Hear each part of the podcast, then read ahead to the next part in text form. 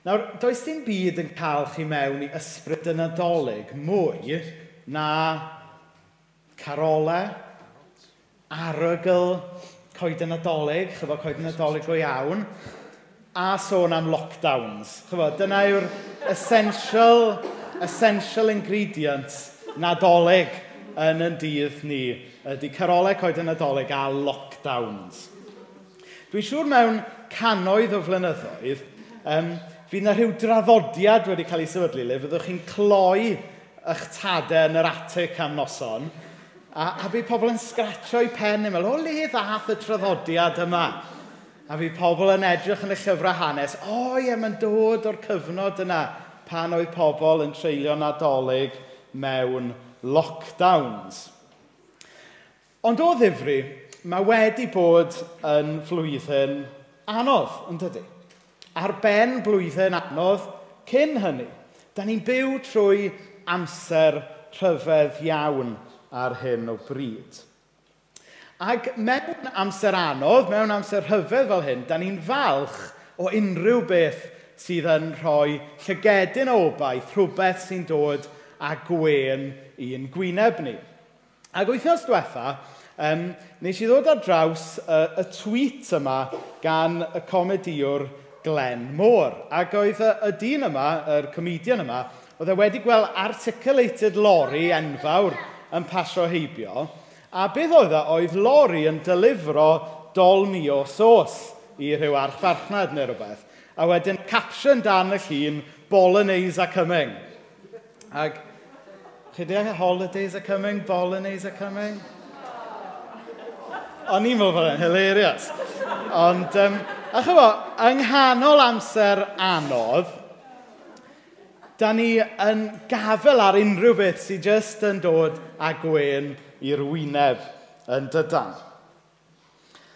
A heno, um, da ni'n dod at rhywun sydd yn rhoi gobaith i ni yng nghanol storm y byd yma sydd o'n cwmpas ni.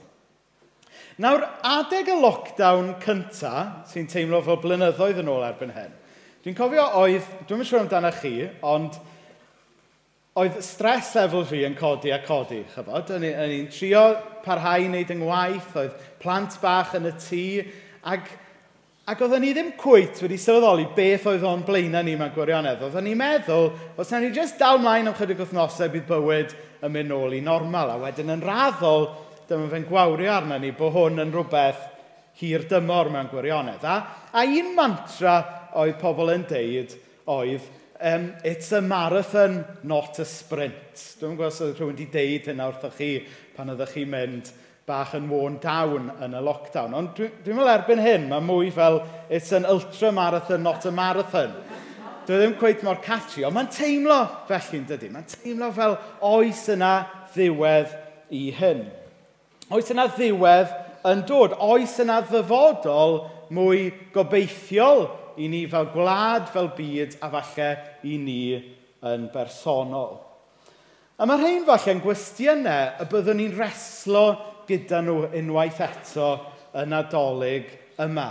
Beth sydd gan y dyfodol i ni? Oes yna obaith ar gael i ni? A mae rhain yn gwestiynau da ni gyd yn reslo efo, maen nhw'n gwestiynau dwi fy hun yn gofyn yn aml. Ond y cysur yw bod pobl wedi bod yn gofyn y cwestiynau yma trwy'r canrifoedd. Yr holl ffordd yn ôl i amser y Beibl. Ac yn sydyn iawn, dwi am siarad efo chi am broffwyd o'r enw Zeffania. Hwna'n enw hardd yn dydy. O'n i jyst yn meddwl um, gyda Mena pnaw yma. Sym lot o bobl yn cael ei galw'n Zeffania dyddi e yma. Wedyn dyma fi'n cofio am Benjamin Zeffania. A wedyn, ond does dim lot o Zeffanias o gwmpas.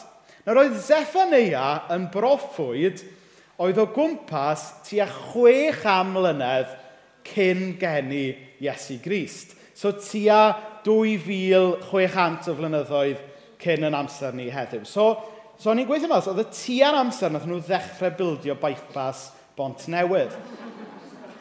So, amser maith yn ôl. Ac, um, ac oedd amser y proffwyd Zephania, oedd e'n amser anodd iawn. Oedd na lot o arweinwyr a brenhinoedd drwg a twychodrys o gwmpas. Oedd e'n cymdeithas, oedd yn sathru ar y tlawd ar di-lais, ac oedd y genedl gyfan wedi colli cyfeiriad ac yn stryglo i ffeindio gobaith. Nawr ydy'r amser yna'n teimlo'n gyfarwydd i chi. Mae'r amser yna'n teimlo ar lawer lefel yn debyg i'r amser da ni yn mynd trwyddo. Da ni'n edrych am arweiniad a ddim yn ei gael o. Da ni'n gweld falle pobl o fewn cymdeithas yn cael ei sathru. A da ni hefyd yn hiraethu am gyfeiriad, am obaith gwell i'w ddilyn a credu ynddo fe. A trwy y cyfnod tywyll yma, oedd Dyw yn siarad trwy'r proffwydi fel Zeffaneia. Nawr, um, chybod, Mae'r proffwyd Zephania, mae'n dechrau trwy sôn am y pethau anodd. Nawr, os ewch chi adre a darllen llyfr y proffwyd just warning, mae'n dechrau bant yn eitha blic, Okay? Mae'n dechrau bant yn eitha tywyll, mae'n disgrifio yr amseroedd anodd yma. Ond mae'n e'n gwneud hynny er mwyn gosod y llwyfan i wedyn sôn am y gobaith.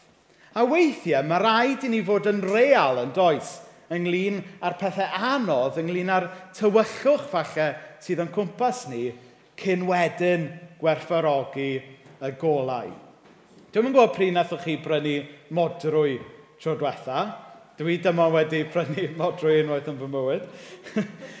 Ac um, os ewch chi'r jewelers, fydd er mwyn dangos disgleirdeb uh, y diamond, fydd y jiwler yn aml yn dangos e yn erbyn cefndir di. Hynny yw, weithiau, er mwyn gweld y sbarcl, mae rhaid chi ddalo yn erbyn cefndir di.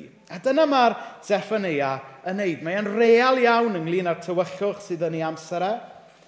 A chwbod be, mae e'n iawn i ni fod yn onest. Mae e'n iawn i ni fod yn real ynglyn â'r pethau anodd da ni'n wynebu a sydd o'n cwmpas ni heddiw. Does dim rhaid i ni falsio Does dim rhaid i ni fod yn happy clappy trwy'r amser a, a rhoi rhyw wyneb mlaen. Ond pan da ni wedi blino, mae'n iawn i ddeud bod ni wedi blino. Pan da ni'n gweld bywyd yn anodd, mae'n iawn i ni fod yn real efo'n gilydd, fod bywyd yn anodd. Yn arbennig pan da ni'n byw fel amseroedd, da ni yn byw trwyddo fe. Ond, a dyma pam gobeithio bod ni wedi dod at yn gilydd heno Mae'r nadolig yn deitha ni fod yna obaith yn dod. Fod yna oleini yn torri trwy y tywyllwch. Ac yn penod olaf Zephania, mae e'n dweud fel hyn, am yr adnodau dwi'n meddwl ar y sgrin rwan. Bydd brenin Israel yn dyganol, a fydd dim rhaid i ti fod ag ofn. Yr adeg hynny, byddan nhw'n dweud wrth Jerusalem, Paid bod ofn. Paid a bod ofn? Paid a bod ofn, seion. Paid anobeithio. Mae'r arglwydd dy ddew gyda ti. Fel arwr i dachub di. Bydd e wrth ei fodd gyda ti. Bydd yn dyfwytho gyda'i gariad ac yn dathlu a chanu'n llawen am dy fod yn ôl. Nawr, yng nghanol tywyllwch dyddiau Zephania, yng nghanol tywyllwch yn dyddiau ni, yn diwen dda gwybod fod yna frenin sydd yn caru ni wedi dewis dod i'n canol. A dyna da ni'n cofio, a dyna da ni'n dathlu amser yn adolyg. Fod y Dyw mawr sydd wedi creu y byd wedi dewis dod ato ni fel baban os da ni'n adolyg yma isio gwybod sut un ydy Dyw, sdim rhaid ni edrych yn bellach na Iesu. Iesu yw Dyw. Iesu yw Dyw mewn ffordd y gallwn ni ddallt i adnabod i garu, achos bod e yn gyntaf wedi yn caru ni. A mae yna jyst dau beth yn sydyn yn yr adnodau yma sy'n deud rhywbeth arbennig iawn wrthon ni am gymeriad Dyw a'r gobaith mae eisiau roi i ni'n adolyg yma. Yn gyntaf, mae'n dweud paid bod ag ofn seion, paid anobeithio. Ni os wnawn ni paraffreis o hwnna, paid bod ag ofn Cernarfon, paid anobeithio. Paid bod ag ofn Sion a Sian, neu fe bynnag yw'ch enw chi. Paid anobeithio. Na mae hwnna neges dwi angen clywed a plannu yn ynghalon nadolig yma. Tybed os na rhywun arall yma. Falle bod y tywyllwch yn teimlo fel bod ewch cwmpas chi ar hyn o bryd. Bod chi'n stryglo i ffeindio gobaith ar hyn o bryd. Wel, gadewch i ddiw sibrwd mewn eich clust ac y holl ffordd mewn eich calon chi, bod dim angen i chi fod ag ofn. Chwa, mae'n naturiol bod ni'n ofni weithiau, Ond os da ni'n dod at ddew a ffeindio heddwch efo dew, does dim rhaid i'r ofn yn llethu ni. Does dim rhaid i'r ofn yn rheoli ni. Fe allwn ni'n hytrach gadw i heddwch dew lywodraethu yn ein bywyd ni. A wedyn yr ail rhan dwi'n gweld yn hyfryd iawn yn yr hanes yma yw'r diwedd yr, ad, yr adnodau lle mae'n dweud bod Dyw yn, yn dyfwytho gyda'i gariad ac yn dathlu a chanu'n llawen am dyfod yn ôl. Yn ôl. Neu fel mae'r hen gyfeithiad yn dweud, efe a ymddigrifa not dan ganu. Neu, yn Saesneg, he will rejoice over you with singing. Nawr, mae hwnna'n hyfryd ydy. Meddwl fod Dyw yn canu i ddechrau. Mae hwnna'n anhygol Achos, chyfo, dwi'n yn gwybod siŵr amdano chi, ond mae lot o'r delweddau ynglyn â Dyw yn rhywbeth fydda bod Dyw yn, yn bell ac yn amhersonol a jyst yn rhyw syniad.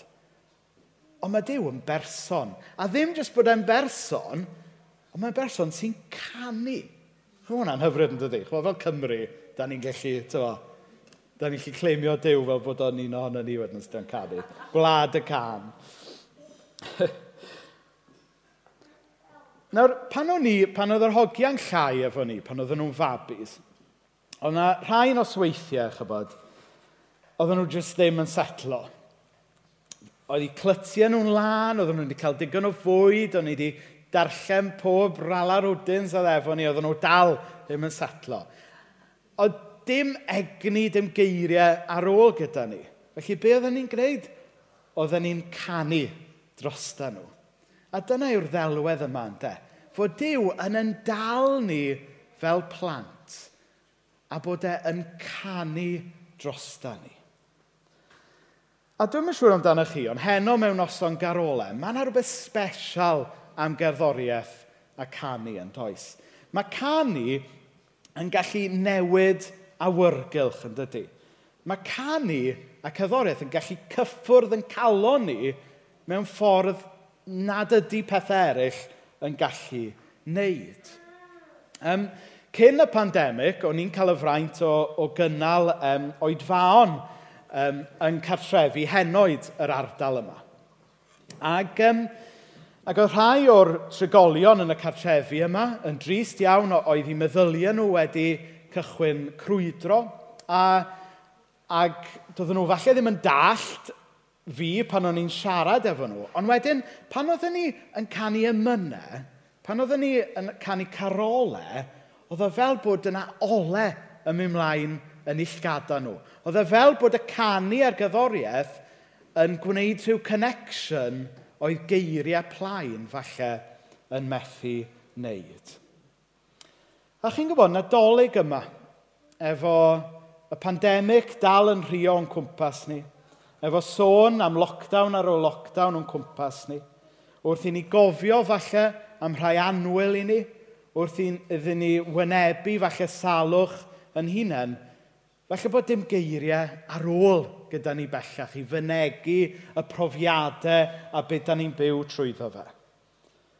Wel, pa mae geiriau'n methu, na ni gofio bod Dyw yn canu drosda ni. Pa mae geiriau ddim yn gwneud y tro. A ni wedi o fod Dyw yn canu a cyffwrdd yn calon ni.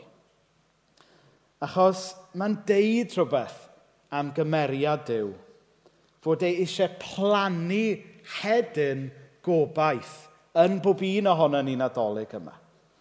Dymuniad Dyw yw nid jyst bod ni'n cofio amdano fe, ond dymuniad Dyw yw bod ni'n plannu hedyn gobaith Iesu yn yn calonau nadolig yma. Felly, ffrindiau, peidiwch bod ofn. Mae brenin nef wedi dod ato ni. Dyna be di pwynt yn adolyg. Dyma pam da ni yma heno yn addoli brenin nef. A cofiwch fod brenin nef yn canu drostoch chi heno. Gen i blygu pen mewn gweddi. O ddiw dad, da ni'n diolch bod ti yn caru ni gymaint. I ni'n diolch bod ti yn gweld ni o ddiw dad yng nghanol yn ofn falle. I ni'n diolch bod ti yn dal ni yn dyfreichiau fel mae rhiant falle yn dal plentyn yn ei freichiau. O ddiw dad, wyt ti'n gweld ni falle methu gwneud synwyr o'n byd o'n cwmpas, methu gwneud synwyr o'n profiadau. Ond wyt ti, trwy y tywyllwch, wedi torri mewn i'n byd am bywydau ni ym mherson Iesu Grist. O ddiw dad, helpa ni gael calonau agored nadolig yma i blannu dy obaith di yn ddofn yn y calonau ni. Ac o ddiw dad, i ni'n diolch fod ti'n canu dros da ni. A rho ryddid i ni felly gan i clod i ti.